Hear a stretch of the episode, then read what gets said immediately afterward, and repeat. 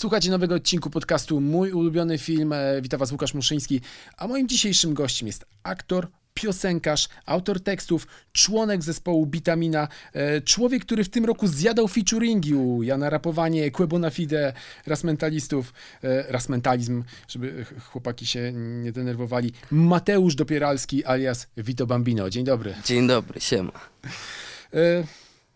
Pierwsze pytanie na rozgrzewkę. Co u e, Bambino Juniora? E, Bambino Junior ma się dobrze, e, rośnie sobie swobodnie. Ostatnio odkryłem jego podobieństwo do polskiego Plastusia, bo Plastuś jest polski, może tak być?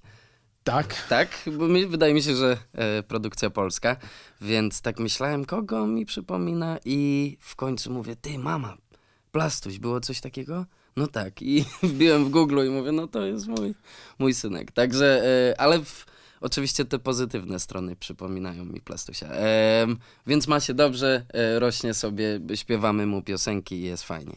No właśnie, czy wykorzystujesz swój talent wokalny do tego, żeby wprowadzać syna w odpowiednie wibracje, na przykład przed snem, kołysanki? Jak, jak najbardziej. Powiem ci, że najlepiej na uspokojenie działa, albo ogólnie działają mm, e, melodie takie dosyć głębokie. Więc e, zauważyłem, że najlepszą i najbardziej ulubioną piosenką mojego syna to Deszcze niespokojne. I tak mu śpiewa. Mama się ze mnie śmieje, ale co tam? Ja, ja mam sentyment do tych produkcji i tak dalej. I e, on lubi najwidoczniej tą melodię, więc to działa. Czytałem wywiad z tobą, udzieliłeś go w maju i tam opowiadałeś trochę o albumie, który właśnie wydajesz i o tym, jak ten album też zbiegł się z narodzinami syna, poczekalnia, że to jest ten taki moment e, przejściowy. No i właśnie, syn już ma po, ponad trzy miesiące. Miałeś to szczęście, że mogłeś z nim spędzić te trzy miesiące zamiast być w trasie koncertowej, e, plus e, całej maszynie promocyjnej. Co się w tym okresie działo? Jak ty też się zmieniłeś? E, Ja zmieniłem się pod tym kątem, że taki pierwszy przykład z boku. Zawsze e, oczywiście jestem chętnie z żoną i bardzo chętnie lubię być w domu, ale e, po jakimś czasie ciągnie mnie w, świat, chociaż na moment. Zawsze uwielbiałem tutaj przyjeżdżać do, do Warszawy albo ogólnie do Polski i spędzić trochę czasu z przyjaciółmi. To tak teraz nadal bardzo się cieszę z tego czasu, który jest mi dany, żeby właśnie tutaj e, posiedzieć, porozmawiać, em, trochę się pobawić z ziomkami, ale jednak ta tęsknota jest, jest jakaś, y, nabrała innego rozmiaru, e, któ- który jak, jak na razie uczy się go pojąć i na czym to wszystko polega. Po prostu bardzo tęsknię za, za tym maleństwem, em, więc na pewno nauczyłem się nowego rodzaju tęsknoty, tak się mówi, tak? Tak, to Tak tego bym się e, nauczył. I trochę więcej cierpliwości myślę, że mam. Bo wiem, że tłumaczę w domu coś małemu stworzeniu, które nie, nie słucha moich słów, słucha tylko i wyłącznie moich wibracji, wibracji czy są pozytywne, czy e, negatywne. Staram się jak najmniej oczywiście tych negatywnych i em, no, biorąc pod uwagę, że tak mało jeszcze ten mały człowiek rozumie, to nauczyłem, nauczyłem się tej cierpliwości i nowego sposobu komunikowania. No, cierpliwość przy małym dziecku. Czymś jest skillem, który zdecydowanie warto posiadać. Przed naszą rozmową ja sobie zrobiłem e, taki mały research, zrobiłem sobie małe detektywowanie i spytałem naszego wspólnego znajomego, co sądzi o Vito Bambino i dostałem taki cytat. Bardzo spoko, ma dużo chillu w sobie, uzdolniony gość, ale taki swój ziomek, dogadasz się z nim, on wychował się na rapie, wiesz? Wszystko się zgadza? Wszystko się zgadza. A kto tak miło? A, ja nie ujawniam swoich Dobrze, rozumiem, rozumiem. E, mam, mam nadzieję, bardzo miło, że ktoś tak to odebrał. Em, ja też tak bym to widział. Fajnie, że kto inny za mnie to powiedział. No dobrze, a my tymczasem przechodzimy do clou naszej rozmowy, bo będziemy rozmawiać o twoim ulubionym filmie. Bardzo mnie ten tytuł ucieszył, Mhm. bo będzie to Magnolia. Magnolia. Tak. Na początek szybkie e, streszczenie fabuły. Jeden dzień z życia kilkorga zwykłych mieszkańców San, Ver- San Fernando Valley w południowej Kalifornii. Losy bohaterów przeplatają się, dochodzi do spotkań, które oczyszczają i dają nadzieję na odnalezienie swojego miejsca w życiu. Autorem scenariusza i reżyserem jest Paul Thomas Anderson, w obsadzie m.in. Tom Cruise, Julian Moore i Philip Seymour Hoffman. Pamiętasz, kiedy pierwszy raz zobaczyłeś ten film? Pamiętam, jak siostra przyniosła mi DVD i mówi, patrz, oglądaj. A ja tak czytam i mówię, ty, a jakieś coś tam się będzie działo. jakieś, nie wiem, strzelają, coś. Ona mówi, dobra, proszę, oglądaj. Moja siostra jest dwa lata starsza. Em, I pamiętam, jak bardzo zrobił na mnie wrażenie pod kątem tych różnych postaci, jakie są różne, jak, e, jak, jak niesamowicie intensywna musiała być praca na planie, bo tam właśnie nie ma fajerwerków na początku e, w formie właśnie kina akcji czy czegoś i, i wszystko bazuje na relacjach międzyludzkich ludzi, którzy się znają po części, poznają się na nowo albo nie znają w ogóle. obsada jest niesamowita. E, to jest Tom Cruise w mojej ulubionej jego roli. E, z nim różnie bywało w moich oczach, ale tutaj akurat pokazuje się w zupełnie innym e, odcieniu, tak można powiedzieć, tak? tak swoim.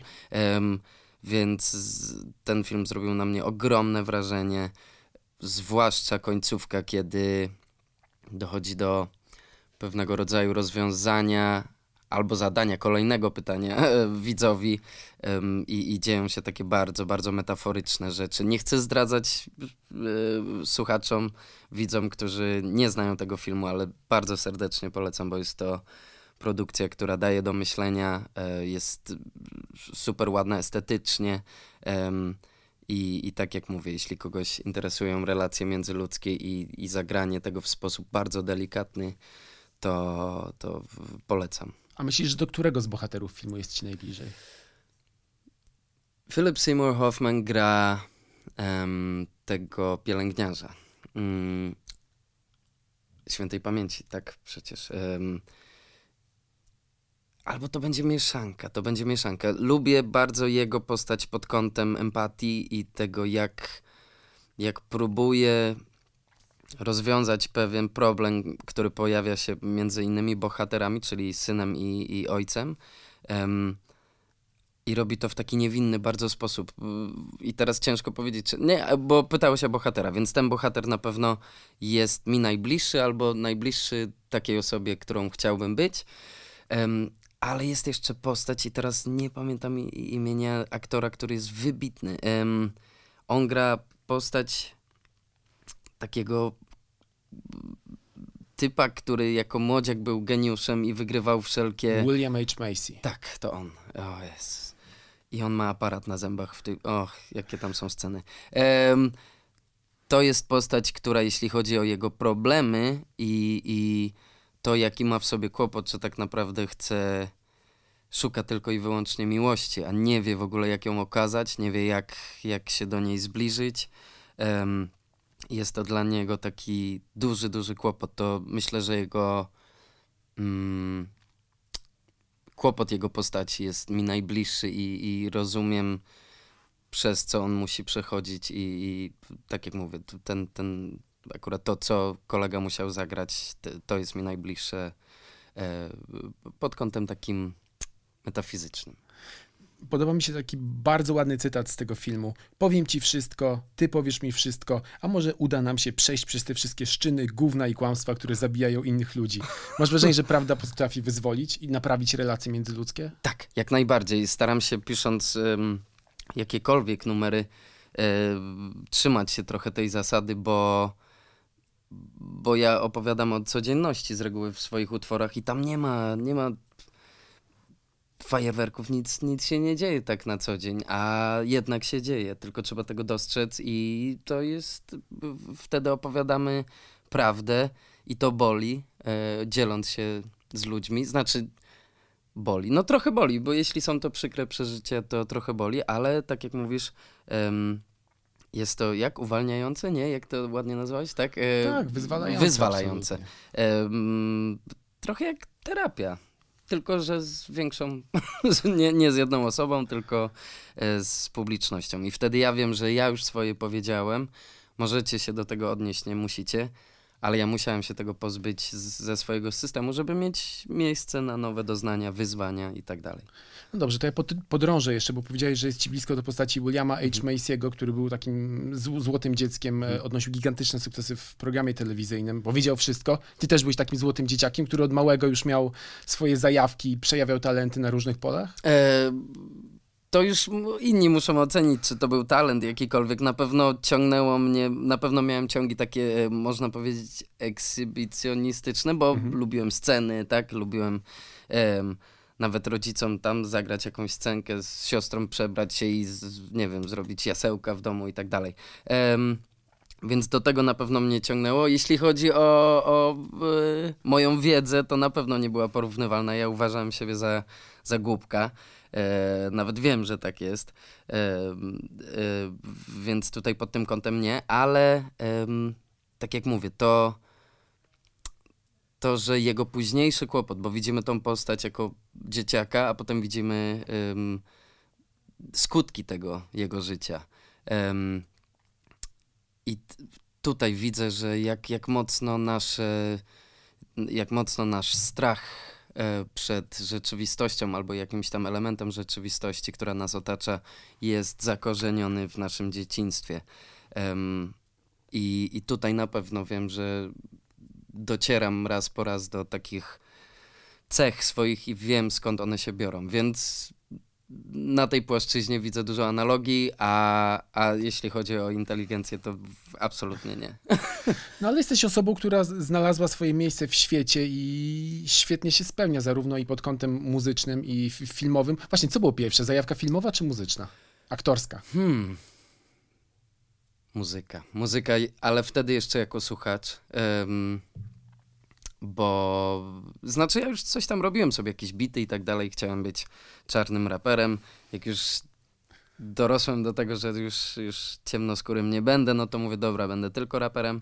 Em, więc to było wcześniej, a tak naprawdę w teatrze zakochałem się, albo w ogóle w aktorstwie, w roku 2003, kiedy ja byłem właśnie raperem, koszykarzem i em, poprzez em, naukę języka polskiego, którą mieliśmy tam w Niemczech u nas zorganizowaną, zostaliśmy zaproszeni na warsztaty teatralne tutaj nad Warszawą gdzieś, e, Osuchów to się nazywa. I, I ja jako ten, wiesz, cool kid, który, który rapuje, poznałem po prostu ludzi, którzy siedzieli w tych kółkach teatralnych, czytali książki. Mnie takie coś nigdy, wiesz, ja byłem ulicznikiem trochę, więc to mnie w ogóle nie, nie jarało. Ja tam pierwsze dwa dni grałem w kosza i tak chodziłem na te zajęcia i nie kumałem o co chodzi, aż co wieczór trzeba było wystawić niespodziankę, czyli jakaś grupa wystawiała mini spektakl. I kiedy zobaczyłem, że te osoby w moim wieku są w stanie pokazać jakieś emocje. Wiadomo, to było wszystko jeszcze takie lajkowe bardzo mocno, ale sam fakt, że zazdrościłem im odwagi. Mówię, to ja tu jestem twardzielem, a oni robią coś, co jest niesamowicie trudne i nie wyobrażam sobie tego w ogóle, żeby tak wyjść przed taką masę ludzi, mi nieznanych wtedy i zagrać coś przed nimi, jeszcze jakieś takie emocjonalne scenki i tak dalej. Więc zrobiło to na mnie wielkie wrażenie i pomyślałem, kurczę, tu, tu się dzieje coś magicznego. Odłożyłem tą piłkę i już do końca obozu nawet nie wiem, czy nie zostawiłem jej tam. lubię sobie pograć, nadal e, lubię sporty, ale ten obóz zmienił, na pewno zmienił moje życie i tor mojego życia. E, po tym obozie chciałem zostać aktorem, mieć coś, cokolwiek wspólnego z teatrem. Em, Przywiozłem też do domu taki kompleks, bo reszta uczestników była albo z Warszawy, albo spod Warszawy i posługiwała się zupełnie inną polszczyzną niż ja. Ja wtedy em, no mówiłem po polsku, ale były tam jakieś naleciałości. em, raz jakieś śląskie, bo u nas jest dużo Ślązaków na osiedlu. em, mało czytałem po polsku, w ogóle pewnie nie czytałem książek po polsku, tylko po niemiecku lektury, które musiałem czytać y, będąc uczniem w Niemczech.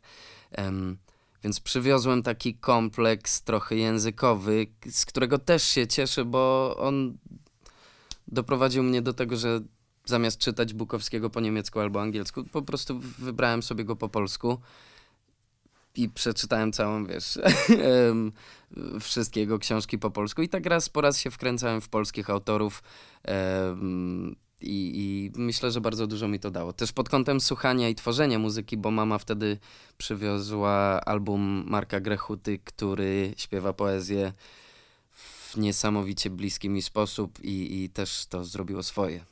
Wiesz, że fantastycznie mówisz po polsku, a jednocześnie cały czas masz sobie jakąś taką wątpliwość, czy ja dobrze mówię. Mówisz bardzo dobrze i nie możesz z tym Cieszę się, ale jakoś nie mogę się pozbyć tego, że, że bo ty mnie widzisz, że tutaj jak niby swobodnie sobie władam językiem, a ja cały czas mi się tam gotują te słowa i, i sprawdzam, czy dobrze deklinuję i, i tak dalej. Niestety trochę tak, tak to jest. Dlatego um, no, jeśli chodzi na przykład o teatr i tak dalej, gdybym miał improwizować coś po polsku, to jednak niemiecki jest, jest mi znacznie bliższy, bo po prostu chodziłem do szkoły tak po niemiecku i tak dalej i, i ten zasób słów jest większy. Mam większy magazyn słów, żeby coś, coś tutaj sensownego powiedzieć. Um, no, więc tak widzisz, trochę to, to jest trudne ze mną, ale bardzo mi miło, że brzmi to ok i e, w miarę swobodnie. Brzmi doskonale. Wróćmy jakby do tego wątku, kiedy wspomniałeś o tym, że byłeś takim ulicznikiem, mhm. twardzielem. Skąd brała się ta potrzeba? Jest taka piosenka Pato Inteligencja, tak. którą na pewno słyszałeś, tam też Mata tak. rapuje o tym, że on zawsze chciał być czarny i chciał być z getta i tak. ma mamę i tatę i tak dalej. Mhm. U ciebie też coś takiego było? Było coś takiego. Myślę, że nie w takim stopniu jak u Maty, bo Mata jest, jeśli dobrze zrozumiałem, z, z rodziny, która pod kątem finansowym chyba, albo może miała, ale on, jego chyba się to nie tyczyło, um, nie miał takich kłopotów egzystencjalnych, co u nas się zdarzało. Um, my byliśmy z tego w miarę pierwszego rzutu Polaków, którzy wtedy wyjechali um, i tam było tylko pato, bez tej inteligencji na moment. E, więc, um, więc rzeczywiście pewnie trochę mi bliżej do ulicy niż macie. Um, Odmienia się matę? Tak, macie. Tak, wszystko tak? bardzo dobrze. dobrze. tutaj pod tym kątem miałem pewnie trochę bliżej, a też w pewnym momencie, tak jak mówię, doszedłem do wniosku, że,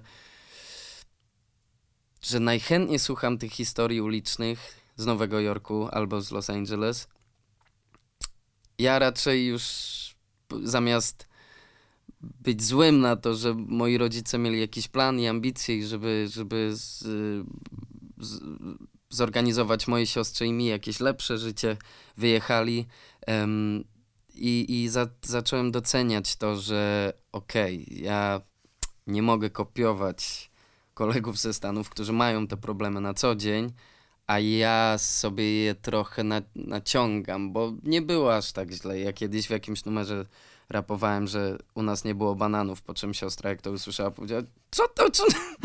Jak ty, o czym ty mówisz? Banany były, co...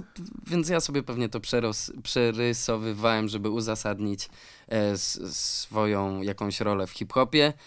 Po czym przestałem to robić, zacząłem śpiewać i to był moment kluczowy, w którym mówię, o jest, już nie muszę udawać gangstera, jak dobrze mogę mówić prawdę. No właśnie, tutaj dochodzimy do kluczowej kwestii, o której się sporo dyskutuje obecnie, czyli kreacja w hip-hopie. Mhm. Ile jej jest? Czy to jest rzeczywiście 100% y, czysta, brudna prawda, jak mhm. rapował Soku, czy mhm. jednak zawsze coś się od siebie dodaje?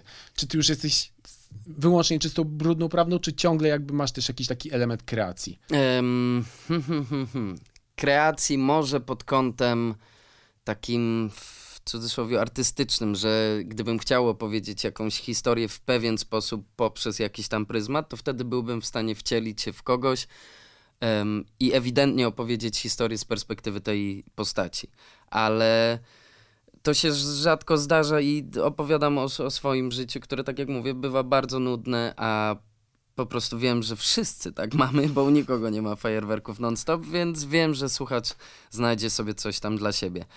Um, nie, już, już nie kreuję swojej e, postaci na pewno pod kątem tworzenia muzyki. Mam ksywę, jest to to Vito Bambino, ale to dlatego, że ja mógłbym nawet robić dalej muzykę nazywając siebie samego Bitamina albo Mateusz Dopieralski albo coś tam, ale ja lubię zaczynać trochę od początku i mieć nowe wyzwania, więc nowa ksywa niesie ze sobą nowe yy, tak naprawdę pracę prawie że od zera, a to jest najfajniejsza część w tej robocie, docierania do czegokolwiek, czyli ta droga, którą chciałbym przebyć kolejny raz, te, tym razem jako solowy artysta i tak dalej, więc tutaj kreowania już, już nie będzie i, i chcę, żeby ludzie wiedzieli, że jak wychodzę na scenę śpiewając, to to jest wieczór, który mają spędzić ze mną, a nie z kreacją albo muzykami, których poprzebierałem w jakieś kostiumy, co też jest fajne dla mnie jako widza. Ja chętnie oglądam koncert, który jest bardziej show. Um, ale najwięcej wynoszę z koncertu, kiedy wiem, że artysta mówi bezpośrednio do mnie jako widza i, i pokazuje siebie, a nie kreuje kogoś, kim wiem, że nie jest. Miałeś wcześniej jakieś e, artystyczne ksywki, zanim narodził się Vito Bambino? Był Denver. Denver. wziął się Denver? E, Denver usłyszałem kiedyś w katach e, Kaliber 44 miał taki numer, który nazywał się chyba 344. A nie, Baku to cała Baku, płyta przepraszam. była. Tak, Baku, a Baku, Baku Baku. skład. I tam są skrecze Felixa, które w pewnym momencie zabrzmiały jak Denver. Ja pamiętam, że jako dzieciak tam 13-14 lat pomyślałem, dobra, to ja będę Denverem. A potem się dowiedziałem, że jest Denver Dinozaur i jakieś takie inne, więc... Ale mogłem sobie, bo jest e, Denver Nuggets, tak? Mhm. Drużyna koszykarska i były e, po prostu te ich jersey, jak się to nazywa? Trykot? E, te, Mhm. Takie koszulki, Koszulki. gdzie było napisane Denver, co też było spoko, bo nie musiałem sobie takich sam robić, tylko kupowałem sobie koszulkę z napisem Denver i już miałem merch. To, pyta, to pytanie pewnie już nie raz słyszałeś, ale właśnie, jak narodził się i skąd wziął się Vito Bambino? To była jakaś fascynacja filmami gangsterskimi? Fit, e, rzeczywiście, mogłoby się tak wydawać. Nie, to e, wynika z żart, z, znaczy z żartu, z pomyłki. E, grupa Ras Mentalizm, o której wspomniałeś, oni wydali album Tango i jakiś dzieciak, kurczę, zawsze zapominam jak się nazywa, chyba Filipecki, miał taką serię na YouTubie filmików, gdzie on robi unpacking, czyli tam pierwsze otwieranie płyty i opowiadanie, co tam na niej jest. Więc on powiedział, że jest też numer tryb samolot, raz mentalizmu i gościnnie jest Vito, a tak naprawdę Vito Bambino. Wydaje mi się, że on chciał powiedzieć Vito Bitamina. I po prostu coś mu się pomieszało i padło to Vito Bambino. Ja usłyszawszy to po, po prostu powiedziałem, że dobra, mamy to. Ja już tylko podpisuję się jako Vito Bambino, bo jest to tak y, bliskie mi. W naszej dyskografii mamy parę takich numerów, w których ja nawiązuję do swojego dzieciństwa cały czas i do tego, że takiego wewnętrznego dzieciaka chciałbym sobie zachować, jeśli się uda, to na zawsze. Em, więc ja w, w środku cały czas jestem bambino, jestem ojcem, jestem siwy już nawet, em, ale czuję się trochę jak dziecko w tym w świecie, w którym i tak nic nie rozumiem. Em, na żadnej płaszczyźnie.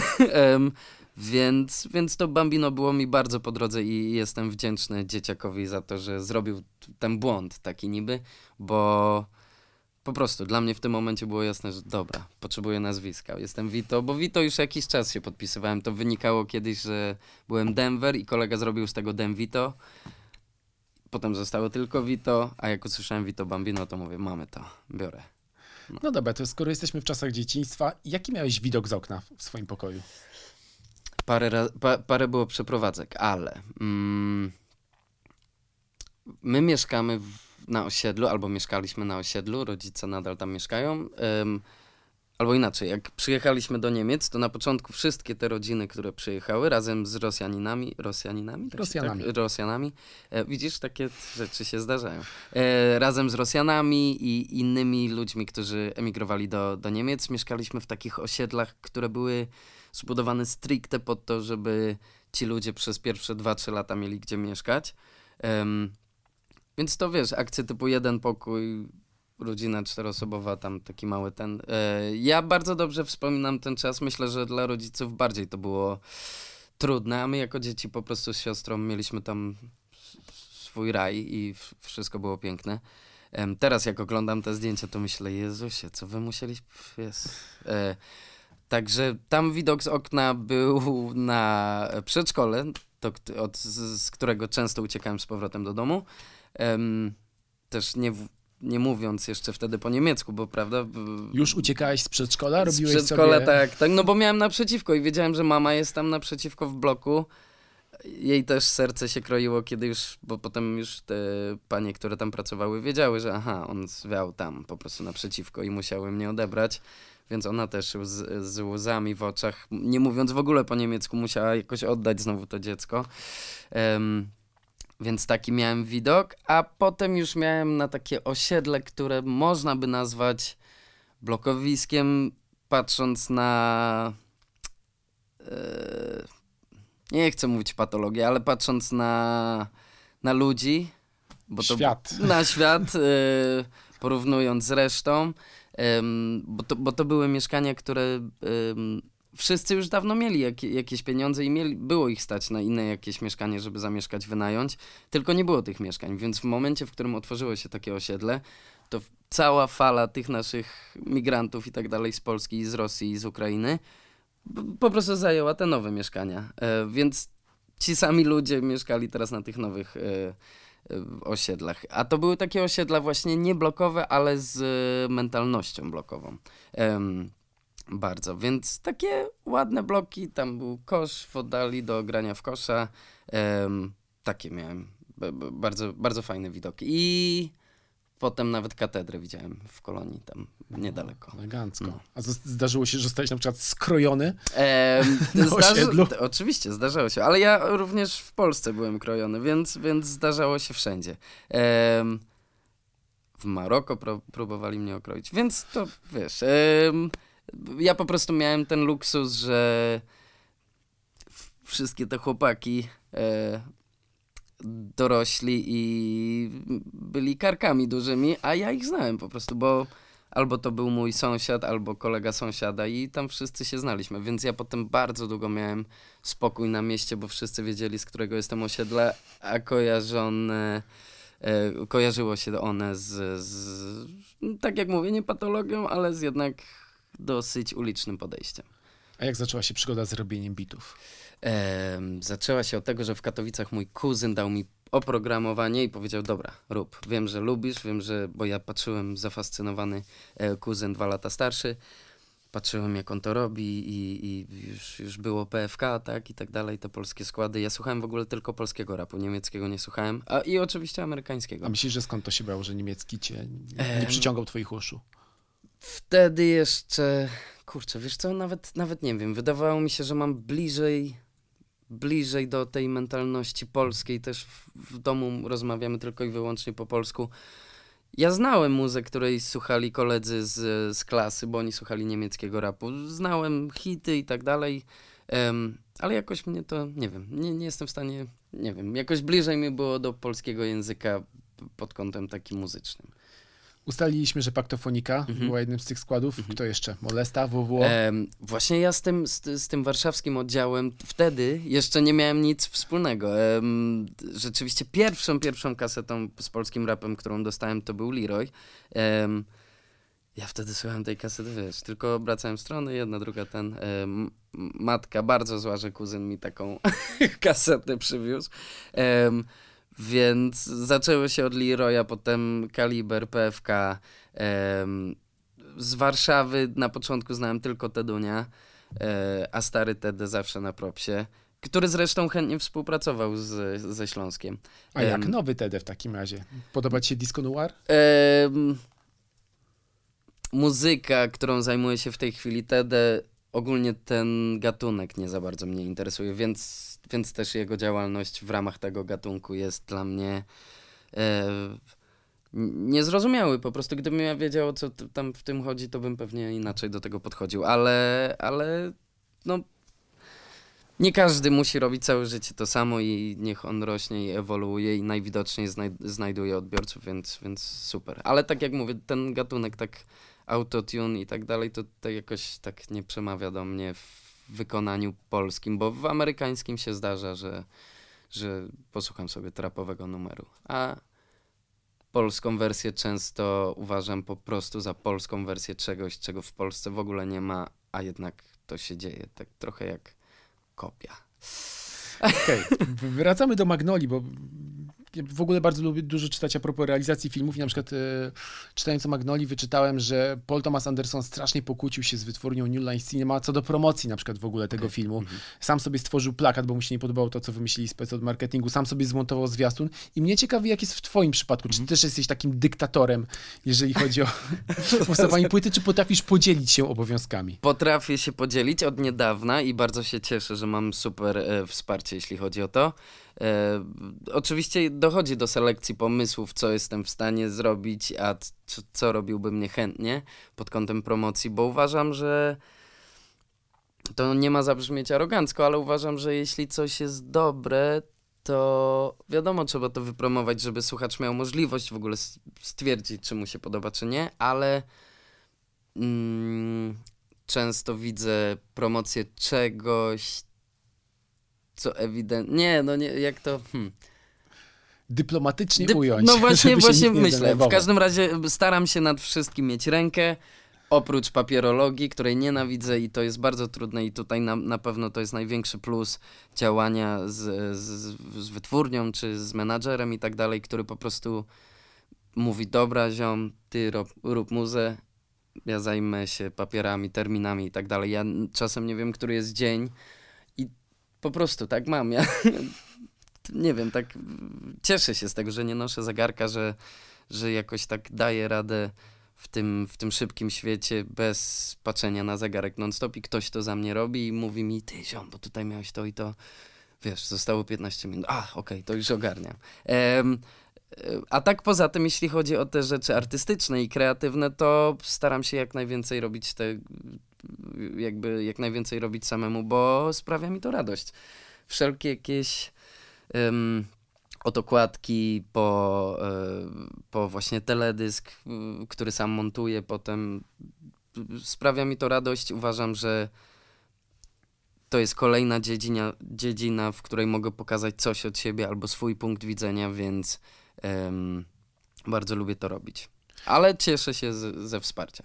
No jesteś artystą, więc też masz prawo, żeby być czasami e, nieogarnięty. No ale właśnie, w momencie, kiedy wykonujesz pracę artystyczną, to potrafisz sobie narzucić jakiś kierat, czy to też jest tak, że przyjdzie natchnienie, to będę coś robił, czy raczej ósma rano siadam, piszę, choćbym nie miał ochoty na to. E, bywało i tak, i tak. Najchętniej oczywiście pracuję w sposób taki, że ja po prostu siadam, a reszta dzieje się sama. To jest najfajniejszy sposób pracy, kiedy 8 godzin później myślisz, co, co się właśnie wydarzyło. Nie, nie pamiętam, żebym przepracował sekundy, więc najwidoczniej jakkolwiek mnie to stymulowało i sprawiało mi radość.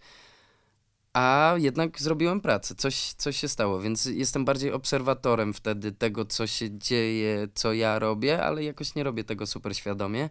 Em, a w momencie, w którym czuję, że muszę coś zrobić, że naprawdę czas leci, to potrafi działać w dwa kierunki, bo oczywiście taka presja też potrafi uzwolić jakieś mm, wyzwolić jakąś nową energię, która za ciebie działa i tak dalej, ale nie zawsze. I jak czuję, że, że ta część artystyczna rzeczywiście staje się pracą ja muszę coś wymyśleć fajnego, to wtedy zaczynam to oceniać, czy to rzeczywiście jest fajne, czy jest dobre. I, i, i to działa u mnie kontrproduktyw, kont, kontraproduktyw, e, czyli kontrproduktywnie, co...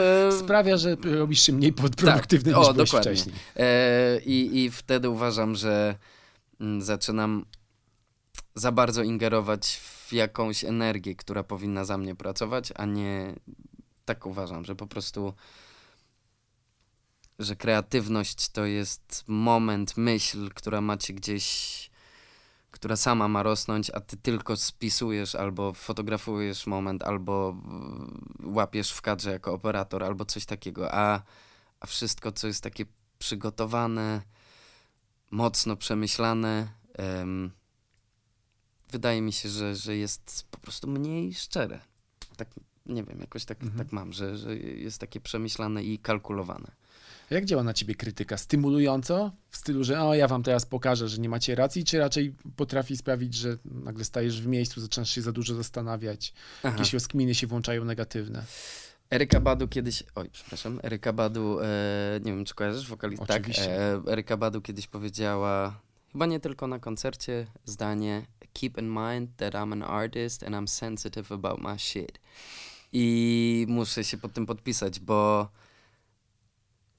krytyka działa na mnie w pierwszej linii najpierw, a nie chciałbym tego, nie wiem, nie, ale nie jestem w stanie tego wyłączyć. Nawet najmniejsza krytyka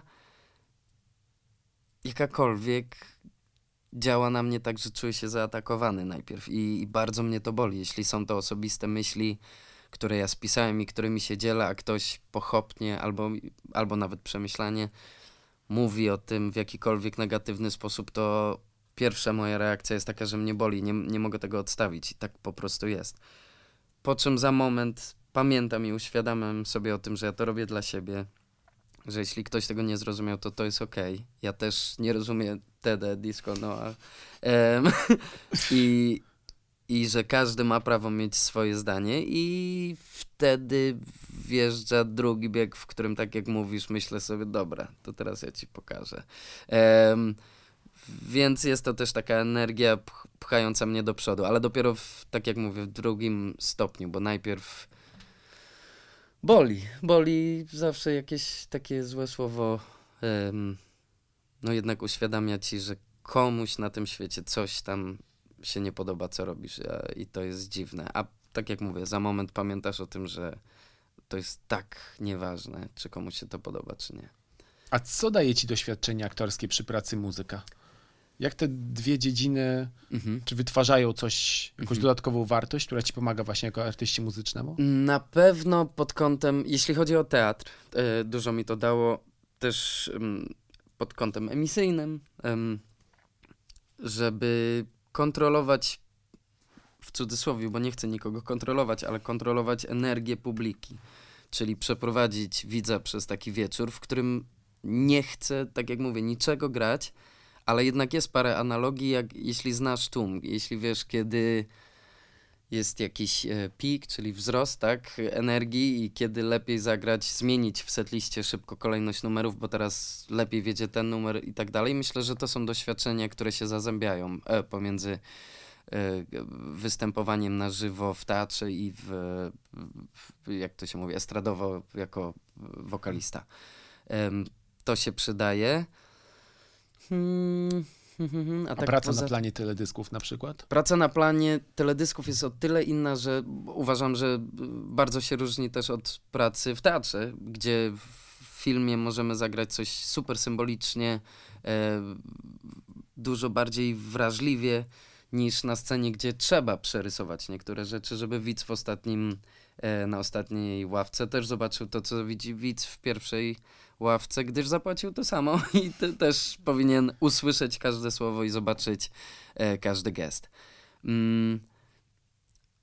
Tu bardziej widziałbym analogię właśnie pomiędzy nagrywaniem płyt, a, a bycie, byciem, aktor, byciem aktorem filmowym, gdzie tak jak mówię, mogę szeptem coś powiedzieć tym, do mikrofonu w jakimś utworze i wiem, że jeśli dobrze to zmiksujemy, albo właśnie schowamy gdzieś w przestrzeni, że tylko bardzo świadomy słuchacz wyłapie to, co tam się dzieje w tle i, i um, zobaczy jakieś niuanse albo usłyszy jakieś niuanse. Więc tutaj bardziej bym widział jakieś takie analogie. Skoro mowa o byciu aktorem, no właśnie, co z twoją karierą aktorską? Czy na razie odwieszasz... Y aktorstwo na kołek mhm. i zajmujesz się muzyką, czy chcesz jednak dzielić ciągle te dwa światy? Bardzo chciałbym kontynuować tą drogę, gdyż yy, jak robię jedną rzecz za długo, a drugiej za długo nie robię, to tęsknię najzwyczajniej na świecie, więc yy, albo muszę wyreżyserować jakiś projekt, albo muszę zrobić chociaż muzykę do spektaklu, albo um, jakkolwiek cały czas być jeszcze w, tamtej, w tamtym świecie i, i poruszać się w nim. Jeśli chodzi o produkcje teatralne, to one wymagają bardzo wielu prób. E, są czasochłonne, są świetne, bardzo chętnie bym znowu to zrobił, tylko grając trasy e, po prostu było to niemożliwe, bo, bo za często musiałem znikać i, i w żadnym teatrze, gdzie przedstawiono mi terminy, nie mogłem z czystym sumieniem powiedzieć no dobra, będę przez następne pięć miesięcy, bo po prostu wiedziałem, że mnie nie będzie. Um, no, więc, więc jak czegoś dłużej nie robię, to za tym tęsknię i, i wtedy sprawia mi też największą radość, kiedy trochę się stęskniłem. Oczywiście zdarzają się produkcje, yy, na przykład takie serialowe, które często nie wymagają jakiegoś większego tak naprawdę przygotowania pod kątem kreowania roli bo znam sytuację na planie, wiem jak to działa, jak szybko oni muszą działać, ile mają zdjęć do zrobienia i że oni patrzą na zupełnie inne rzeczy niż na gr grę aktorską. Niestety jest coś takiego, że często na takich planach patrzą pod kątem technicznym i musisz zrobić swoje solidnie, bo oni w ogóle nie będą mieli czasu potwierdzić ci, czy zrobiłeś to dobrze, czy nie. Patrzą na zupełnie inne rzeczy, patrzą, żeby się zmieścić w czasie, żeby nagrać wszystkie sceny a nie ma tam czasu na mm, podważanie jakiejś tam decyzji reżysera i dyskusję o tym, czy to jest e, mądre, czy nie. A jednak w kinowych produkcjach to się zdarza, a w teatrze tym bardziej, po to jest długi czas prób. Przychodzą propozycje aktorskie z Polski? E, od, nie, znaczy, tak naprawdę przyszła jedna teraz i jestem w szoku, bo, bo no tak, no bo ja nigdy w Polsce aktorsko się grałem, jak był, e, nie wiem czy kojarzysz, jest taki festiwal, nie wiem czy nadal jest, e, Korczak w Warszawie, to jest dla teatru dla dzieci, w sensie Mhm. dramaty dla, dla dzieci. I tutaj w Polsce zdarzało mi się zagrać na jakimś takim festiwalu. Ale tak poza tym to zawsze moje aktorstwo odbywało się w Niemczech, a muzyka w Polsce. Bo w, też w Niemczech w ogóle nie, nie śpiewam, nie, nie mam żadnych, nie robię albumów i, i, i tak dalej. Więc, więc tam robię jedno, tu robię drugie. Oczywiście ja bardzo chętnie zagram w polskiej produkcji, ale zawsze, tak jak mówiłem już wcześniej, po prostu mam tą barierę językową i cały czas czuję się trochę gorszym sortem e, aktora Polaka na pewno, no bo, bo wiem ile, ile pracowałem nad niemiecką dykcją, e, żeby w teatrze właśnie to słowo docierało do tej ostatniej ławki, a w Polsce nie jestem w stanie tego zagwarantować. I jest mi po prostu, mam za duży respekt przed tym um, handwerk, czyli warsztat, tak, przed tym, przed tą pracą i przed tą profesją, żeby uważać się za wykształconego polskiego aktora. Czyli to była przemyślana strategia artystyczna, żeby karierę muzyczną robić w Polsce, a aktorską w Niemczech. to trochę się wydarzyło, tak po prostu, po prostu robię to, co sprawia mi największą radość, więc jeśli pisanie automatycznie po polsku numerów, bo to po prostu się działo, ja pisałem po polsku i, i nie, nie, nie walczyłem z tym, więc pisałem, pisałem do szuflady, robiliśmy albumy do szuflady. To, że to się udało i że gramy koncerty i tak dalej, to nie było zaplanowane, bo czegoś takiego zaplanować nie można, więc to jest fantastyczny efekt uboczny. A to, że w Niemczech ym, udało mi się jakkolwiek zaistnieć na rynku i, i żyć sobie z tego, to też jest duże szczęście i bardziej czekam cały czas, aż ludzie skumają, że dobra, on oszukuje, ani jednego, ani drugiego nie umie.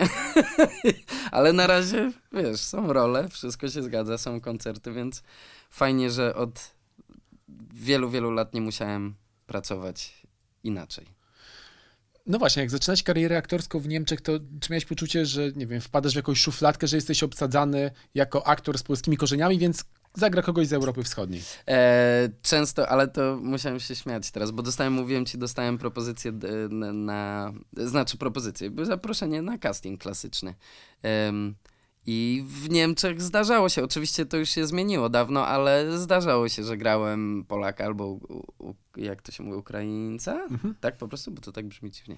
E, Ukraińca, który kradnie fury.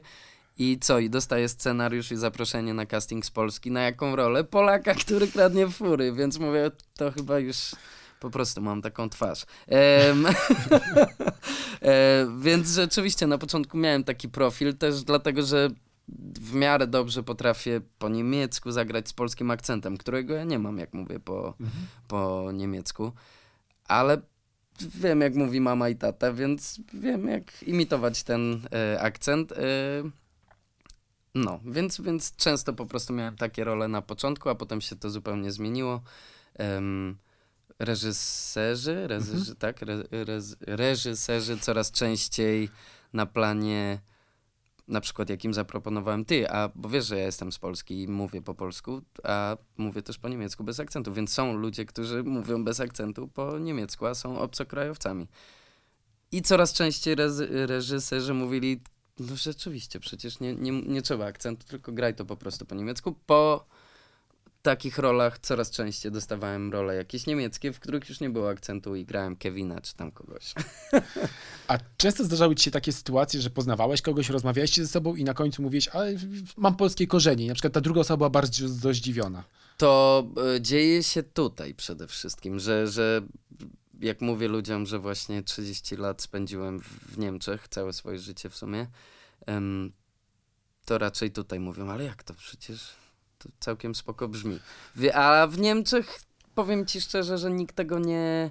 No jak słyszą dopieralski, to wiedzą, że mam polskie korzenie, em, ale tak nie, nie ma dyskusji na ten temat. Myślę, że to może wynikać z tego, że, że rzeczywiście ten kraj jest bardzo już pomieszany i tradycja Polaków wyjeżdżających do Niemiec jest dosyć długa już. E, więc tam już nie ma tego podziału. A czy uważam, że tutaj też nie ma jakoś wielce. Mhm. A masz wrażenie, że jesteś właśnie dzieckiem dwóch światów, polskiego i niemieckiego i czy czujesz, że jakieś cechy twojego charakteru pochodzą e, z tego świata, a inne z innego? Jak z najbardziej. Drugiego. Jak Mhm. najbardziej. Jeśli chodzi o, o tożsamość, to myślę i myślę, że już tego się nie pozbędę, że zawsze trochę będę bezpańskim kotem. Dlatego ja lubię pomysł Unii Europejskiej, bo mogę mówić, że jestem z Europy po prostu. I nie jestem w stanie powiedzieć, czy jestem. Bo dla mnie osobiście ja zawsze będę Polakiem, mam polski dowód, mam dwa obywatelstwa, ale pierwsze co zrobiłem, jak miałem 18, to wyrobiłem sobie polski dowód. Więc tam zawsze podkreślam, że jestem Polakiem, wszędzie, bo jestem dumny z tego, że jestem Polakiem. A tutaj z kolei bardzo lubię podkreślać, że, że to nie jest wcale takie, bo widzę czasem u kolegów, że Schmetterling to jest Schmetterling, tak? Nie wiem, czy kojarzysz ten słynny dowcip, że e, po, po niemiecku motyl, który jest bardzo ładnym słowem po polsku, po niemiecku brzmi Schmetterling, ale może też zabrzmieć Schmetterling, który jest już gładsze. E, i, I tu podkreślam, że, że lubię niektóre cechy niemieckie, na przykład w urzędach wolę być w Niemczech, e, bo, bo byłem już w polskich. Są lepiej zorganizowane, Są- domyślam się. Tak, tak. E, A czasem ten ich porządek oczywiście nie pozwala im działać aż tak impulsywnie jak nam Słowianom albo w ogóle komuś z południa, który działa jeszcze na swój sposób zupełnie. Grecy, Włosi, Hiszpanie. Hi, Hiszpanie? Tak. Mhm. E, którzy mają jeszcze własne przepiękne cechy. I od nich też bardzo dużo się nauczyłem, bo mój świadek jest Grekiem i mam dużo przyjaciół właśnie z południa.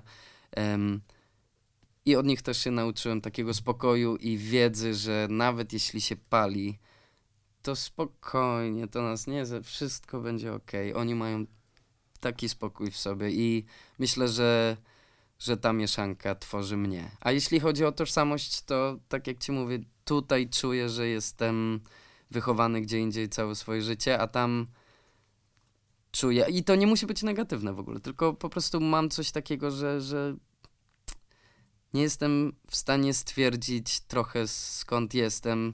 Ja znam swoje korzenie, ale staram się, żeby były one obojętne, skoro nawet miałem rozmowy z przyjaciółmi moimi z Polski, z których kocham i kochamy się wszyscy nawzajem, a tam padły zdania typu, no ja nie wiem, czy ty powinieneś głosować w Polsce. I ja mówię, ale przecież ojczyzna. Oni mówią, no dobra, ale mieszkasz tam, to głosuj na wasze rzeczy, to co cię otacza, a pozwól, że my sobie będziemy głosowali na coś, co nas otacza. I też na początku wielki ból i mówię, jak to? Przecież jak ty możesz tak mówić? A potem raz po raz pomyślałem, że, że coś w tym jest, że ja mieszkam sobie tam, na, w nawiasach na zachodzie i, i otacza mnie trochę co innego, a chcę sobie tutaj pościelić na kiedyś, jak przyjadę, wiesz, na, na emeryturę czy coś takiego i że no widzę, jakie to jest kruche wszystko i jak najchętniej byłbym po prostu mieszkańcem świata.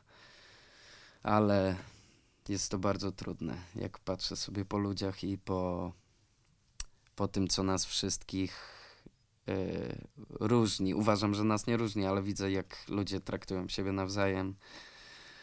Więc staram sobie przypominać, że dom jest tam, gdzie są twoi ludzie i, i nie musi to być jakieś miejsce, wiesz, geograficzne. To mógł być to mogłoby być piękne podsumowanie naszej rozmowy, ale jeszcze chcę cię pomęczyć trochę. Wróćmy znowu do Magnoli, bo wspomniałeś o Tomie Cruzie, o tym, że masz z nim różnie, że czas- Mhm. niektóre role ci się podobają, a niektóre nie. No właśnie, co ci się nie podoba w Tomie Cruzie i które role szczególnie ci irytują? Bo to, Toma Cruza za wiele rzeczy można nie lubić, Tak. mówmy się. Tak, tak. Nie, ja pod kątem artystycznym tylko i wyłącznie będę oceniał, bo tam ta reszta to tak jak mówię, niech już każdy sobie robi tam, co uważa. Em, Tom Cruise, wiem, że mm, jest podobnie niski jak ja, na przykład. Z tego co wiem, ma, ma z tym kłopoty, mają jakieś triki, jak go podsadzić na podejście, żeby on wyglądał na większego i tak dalej. E, ja osobiście mam ciche marzenie, żeby nigdy nie wymagać od reżysera, żeby mnie jakoś stawiał na jakimś podejście, bo jestem jaki jestem, jestem z tego dumny. Em, no Tom Cruise nie miał też, za, a miał parę ról takich, gdzie mógł się pokazać od innej strony, ale często wydawał mi się efekciarski, albo znał swoje patenty, znał takie swoje mm, myczki, które działają i często z nich korzystał. A jednak fajnie jest, kiedy ktoś szuka.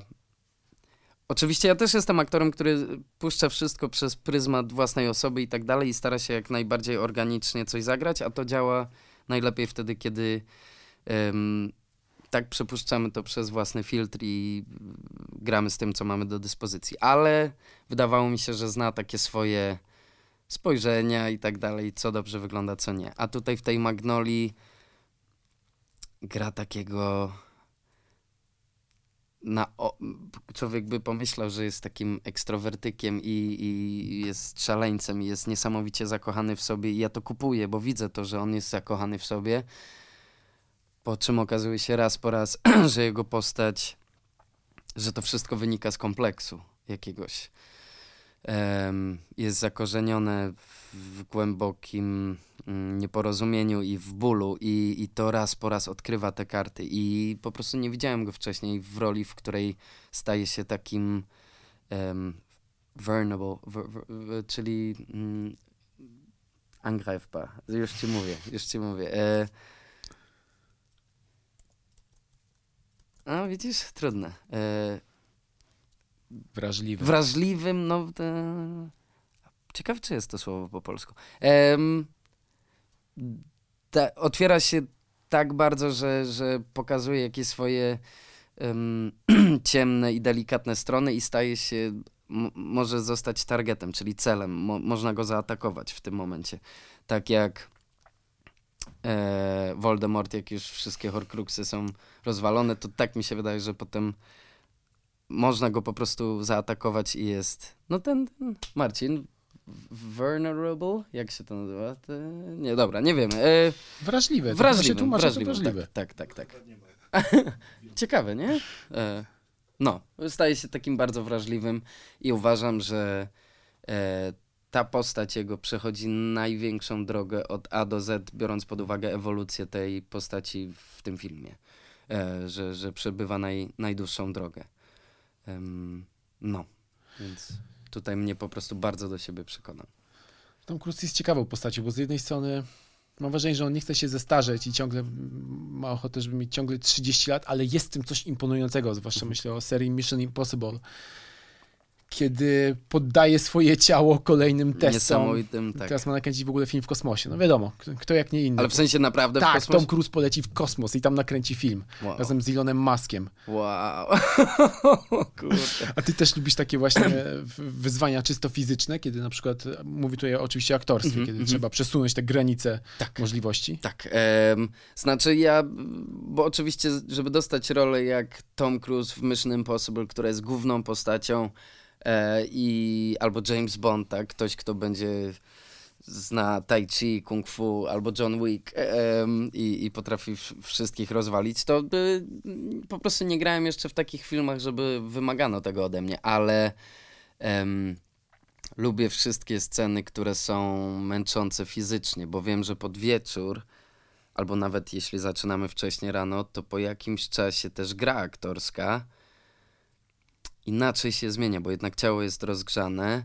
Um, nie wiem, jeśli przebiegłeś pół kilometra albo kilometr, bo to było potrzebne, a tam oni jadą furą i kręcą cię, a ty biegniesz, biegniesz, biegniesz, to automatycznie zdanie wypowiedziane po takim, prawda, dystansie automatycznie jest bardziej szczere, bo nie ukryjesz tego, że masz zadyszkę, i nie masz czasu skupić się na tym, żeby modelować tak bardzo to zdanie, bo musisz oddychać, bo ledwo żyjesz, bo leci ci pot i, ym, i fajnie się wtedy gra. Widziałem kiedyś spektakl w Hamburgu, w którym e, spektakl teatralny, w którym reżyser Kontrakter z Kaufmanns to było, czyli Alfriede Jelinek, nie znam polskiego tytułu mhm. tego spektaklu, ale przez półtorej godziny cała, wszyscy aktorzy robili po prostu fitness program, workout, tam pompki i tak dalej.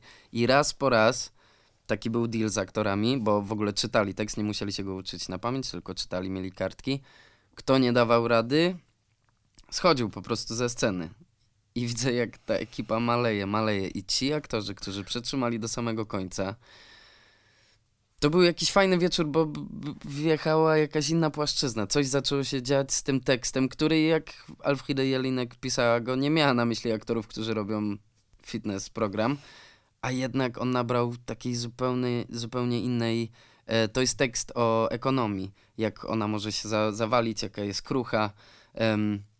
I tutaj po prostu było widać, była taka metafora, jak rzeczywiście jeden aktor za drugim powoli się żegnał ze sceny, zrobił ukłon i powiedział, dobrze, ja już, ja już nie mogę brać udziału. Bo reguła była taka, że jeśli już nie możesz, to nie zostajesz na scenie i czytasz dalej, tylko do widzenia. I nie było wiadomo, czy w ogóle ktokolwiek dotrwa do końca tekstu. I zostało tam chyba trójka aktorów, którzy przeczytali to do końca i, i to było świetne. Więc y, ratowanie kogoś z jeziora i tak dalej. Miałem różne sceny, które wymagały ode mnie wielkiego wysiłku fizycznego i zawsze, zawsze gra aktorska zmieniała się jakoś y, poprzez ten wysiłek. To było fajne. A teraz znowu przeskoczę do hip-hopu. Mhm. To taka kwestia mi się przypomniała. Wspomniałeś o tym, że wychowywałeś się na starej szkole polskiego rapu, ale jednocześnie jesteś kojarzony jako gość, który nawija świetne refreny dla młodej polskiej Mhm. szkoły. I to, to jest dla mnie też ciekawe, czy kiedy ta nowa szkoła się pojawiła, u ciebie to gładko przeszło, że byłeś w stanie tego słuchać, czy jednak miałeś jakiś taki opór, znając Kalibra, Mhm. znając Starego Tedunia? Okej, Tede zawsze był jednak młody i Mhm, gdzieś tam mhm. wprowadzono nowe trendy, ale czy też musiałeś się trochę przestawić na to, że oto nagle pojawia się więcej trapu, Mhm. inne style nawijania i tak dalej. Najpierw miałem żal do polskiej sceny, gdyż jak nagrywałem w 2007 album swój, to tam były niektóre e, numery, które już były trapowe i miały sound, wtedy jeszcze to się nazywało Dirty South e, w Stanach, bo to wszystko jest powielenie kolejny raz czegoś, co się dzieje, więc, więc ja to wtedy robiłem i nikt w Polsce tego wtedy nie zrozumiał i byłem... e, Parliasem. to byłem nielubiany za to, że podśpiewuję coś i tak dalej, więc w momencie, w którym pojawia, po, pojawiali się pierwsi wokaliści, którzy na dużą skalę podśpiewywali swoje teksty albo Ten typ mes na przykład. ale akurat ten typ mes jest świetnym przykładem, jak, jak dobrze to zrobić, bo on potrafi śpiewać, ale jest tylu wokalistów w polskim rapie, którzy oddają tą rolę autotune'owi autotune, właśnie. Tak, dokładnie. tak. I nagle śpiewają i myślę sobie, dobra ziom, ale jak ci wyłączą tą wtyczkę na koncercie, to jak ty to zagrasz? Em, więc tutaj czułem trochę żalu, że mówię, ale ja to wszystko robiłem. Dlaczego nikt wtedy tego nie chciał słuchać? Ale potem już znowu odpuściłem i e, jest bardzo dużo dobrych raperów e, z tej nowej szkoły, ale ci, którzy wiem, że mają skillsy, typu Mata. Jeśli Mata się pobawi autotunem, on sobie może zrobić dwa albumy na autotune. Ja już doszedłem do wniosku, a trochę to trwało, że on po prostu ma super skillsy, potrafi i zaśpiewać, rytmicznie jest super tight, em, klei się do bitu, ma mądre teksty, więc nie mam już naprawdę niczego do zarzucenia. A na początku mówi, kurde, młodziak, jakieś 19 lat, to ja tu muszę tyle lat robić muzy, żeby ktoś mnie posłuchał, a on ma jak, jak, jakąś publiczność wielką nagle. Ale tak jak mówię, po chwili człowiek się łapie i mówi, nie, on ma skillsy. Em, więc ja muszę się przekonywać do tej nowej szkoły. Nawet taki Kendrick Lamar na początku, jak mi koledzy mówili, wiadomo, już parę lat teraz do tyłu. Jak mi o nim mówili, to ja mówiłem, nie, jest Jay-Z, jest Biggie, jest Tupac, jest, wiesz, to są raperzy. A to, co się teraz dzieje, to... I raz po raz po prostu musiałem się otworzyć na to i docierać do tego, że A$AP Rocky albo Kendrick Lamar mają zupełnie nowe możliwości, robią coś, czego zazdroszczą im w ogóle starsi i pomyślałem, ja pewnie jestem takim starym dziadem, który po prostu marudzi i nie jest otwarty na, na te nowe rzeczy. Więc to, to powoli, powoli się zmienia, ale jest parę rzeczy, których nie przeskoczę i nie chcę przeskakiwać, bo uważam, że że jeśli coś ma mieć wartość artystyczną, to trochę wymaga pracy i, i, i skillów. Po prostu tego, że ta osoba ma albo niesamowitą barwę, albo niesamowite teksty, albo najlepiej wszystko naraz. Em, a nie po prostu program, który za niego zrobi robotę. Bo teraz jest era producentów, gdzie tak naprawdę większość numerów robi producent. Skoro raper krzyczy jedno zdanie osiem razy i na to jest nałożony autotune i to jest refren, to to nie, umówmy się, nie jest refren, to jest jedno zdanie, które krzyczysz, a producent zrobił całą resztę numerów, więc jeśli chcemy komukolwiek przyklaskiwać, to producentowi, a nie tobie jako wykonawcy jednego zdania. Świat polskiego hip-hopu to jest dobry materiał na film? Tego młodego? Jest, jest. E, Jest, ale wszystko jest dobrym materiałem na film. Zależy od macierzy eksploracji wokół tematu i od perspektywy, od, z której temat jest pokazany. Na pewno jest, jest dużo ciekawych rzeczy w polskim rapie. Um, a je, jeśli mówimy o tym takim już naprawdę sumiennym rapie, to, to bez dwóch zdań. Jest parę świetnych artystów. A gdyby spojrzeć na to od strony właśnie tego kopiowania Ameryki jeden do jeden, teraz już nie tylko Ameryki, bo ty, arabskie rzeczy też się kopiuje i tak dalej, rzeczy, które pojawiają się w, we Francji, um, to to jest w sumie byłby dobry kabaret, moim zdaniem. Mówił Vito Bambino, gość kolejnego odcinka podcastu Mój ulubiony film. Wielkie dzięki. To ja dziękuję. Do usłyszenia.